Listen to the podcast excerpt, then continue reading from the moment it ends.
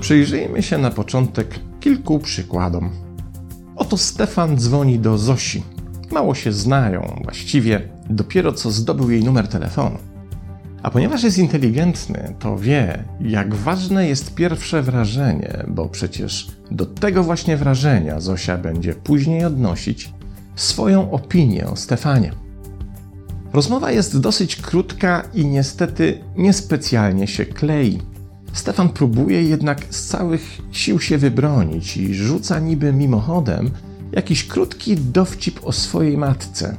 Niestety okazuje się, że ten rodzaj humoru Zosi nie bawi, bo jak wskazują badania, to na podstawie stosunku potencjalnego partnera do własnej matki Zosia będzie wnioskować co do ewentualnej zasadności wejścia w głębszą relację.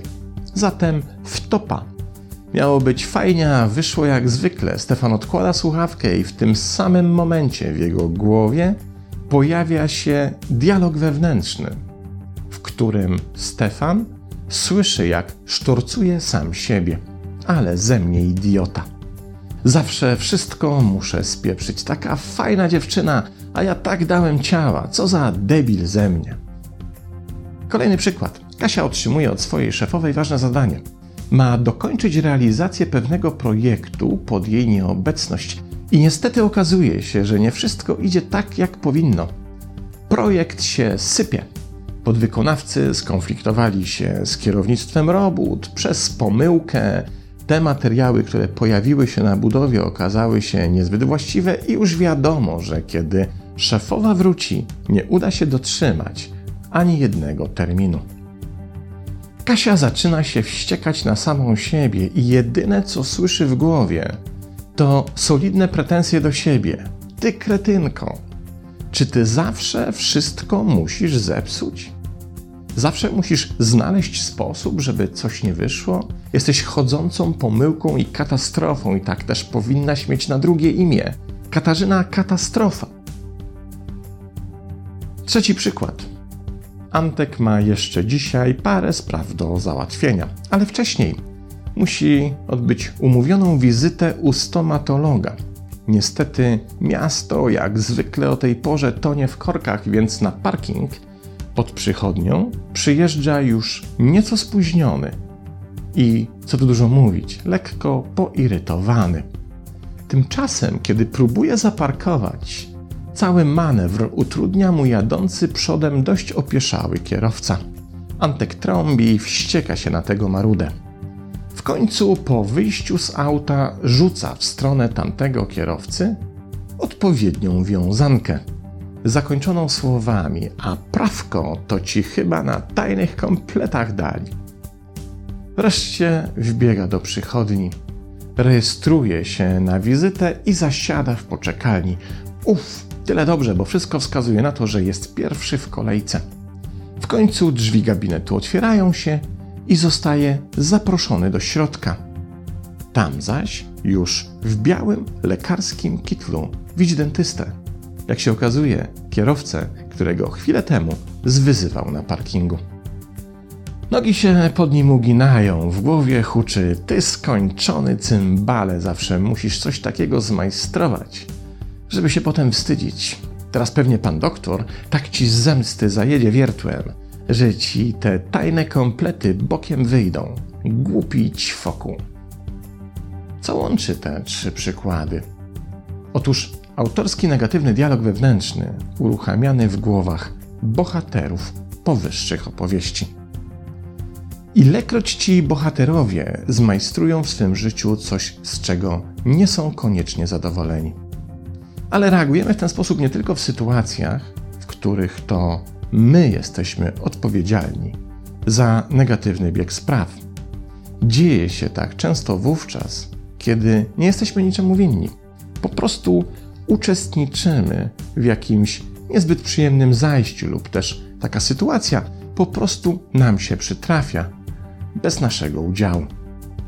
Pojawia się wówczas dysonans pomiędzy rzeczywistością a naszymi oczekiwaniami w stosunku do niej. I ta różnica pomiędzy tym, jak jest, a tym, jak uważamy, że powinno być, rodzi emocjonalne napięcie. By zaś je rozładować, włączamy wewnętrzny dialog, który akurat z rozmową ma niewiele wspólnego. To sytuacja, w której opieprzamy samych siebie, a mówiąc precyzyjniej, się samobiczujemy. To rodzaj kary, którą wyznaczamy sobie za popełnione błędy, porażki lub udział w dyskomfortowych sytuacjach. W ten sposób usiłujemy rozładować emocjonalne napięcie, jakoś poradzić sobie z tym, co zaszło. Okazuje się, że ten sposób regulacji emocjonalnego napięcia jest powszechny i występuje w nas niezależnie od kultury czy też szerokości geograficznej. Kiedy zaś spytać ludzi, dlaczego to robią, a zadawałem to pytanie wielokrotnie w pracy w indywidualnych sesjach, to usłyszymy bardzo podobne odpowiedzi. I dokładnie na ten rodzaj motywacji do samobiczowania zwraca również uwagę dr Guy Winch w jednym ze swoich ostatnich artykułów na łamach Psychology Today. Po pierwsze, więc robimy tak, bo uznajemy, że to rodzaj szczerości względem samego siebie, w której nazywamy po prostu rzeczy po imieniu i nie stosujemy wówczas względem samych siebie żadnej taryfy ulgowej, co ma mieć aspekt uczciwego przyznania się przed samymi sobą do popełniania błędów. Po drugie, uznajemy, że to rodzaj regulacji zawyżonego ego, bo kiedy tak robimy, uczymy nasze ego, by nie podskakiwało. Po trzecie, część ludzi robi tak, bo uznaje, że w ten sposób mogą się przygotować na przyszłe rozczarowania i porażki.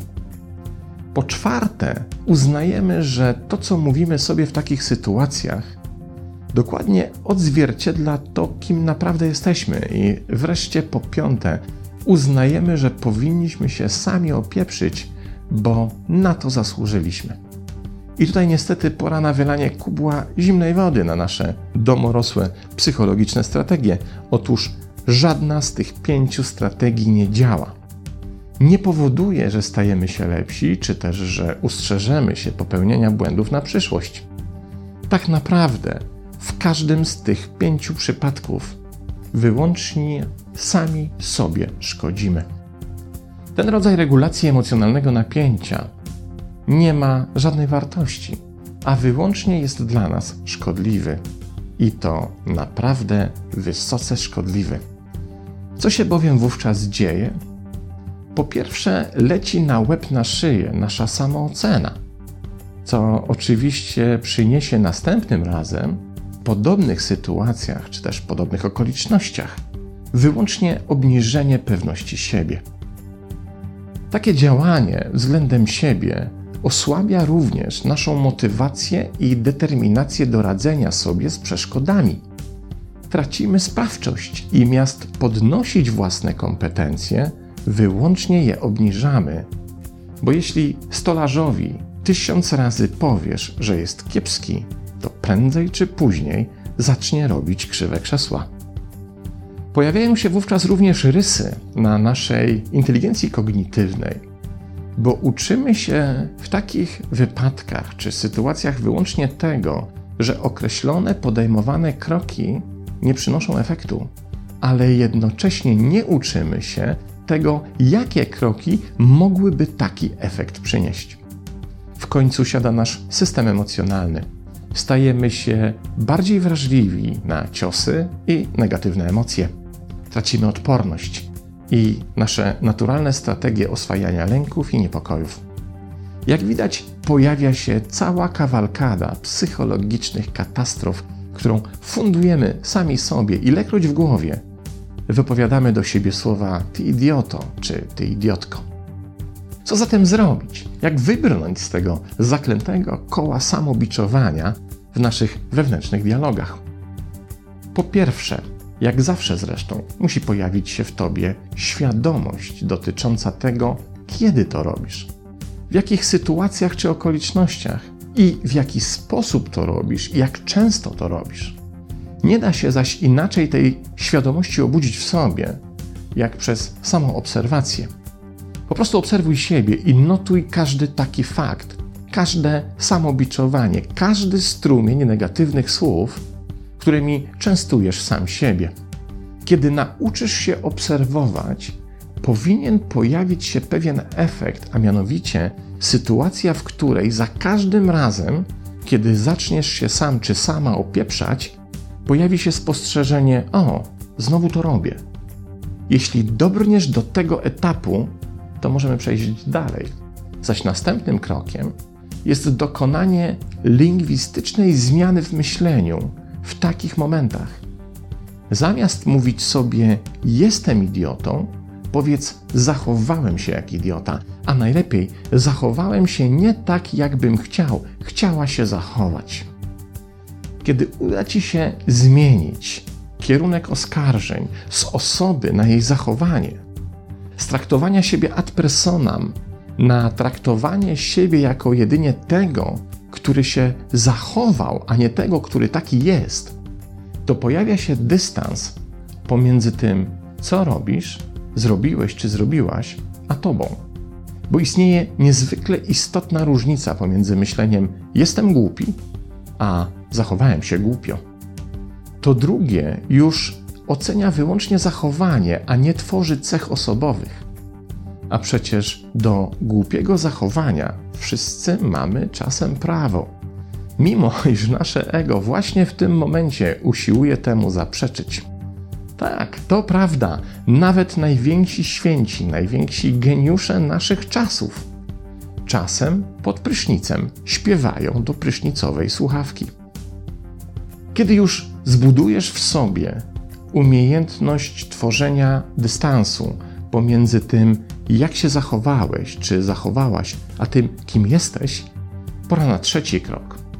Teraz przyjrzyj się tej sytuacji z perspektywy obcej osoby, ale takiej, która ci dobrze życzy, i wykorzystaj tę perspektywę do wyciągnięcia z tego, co się stało, maksymalnej lekcji.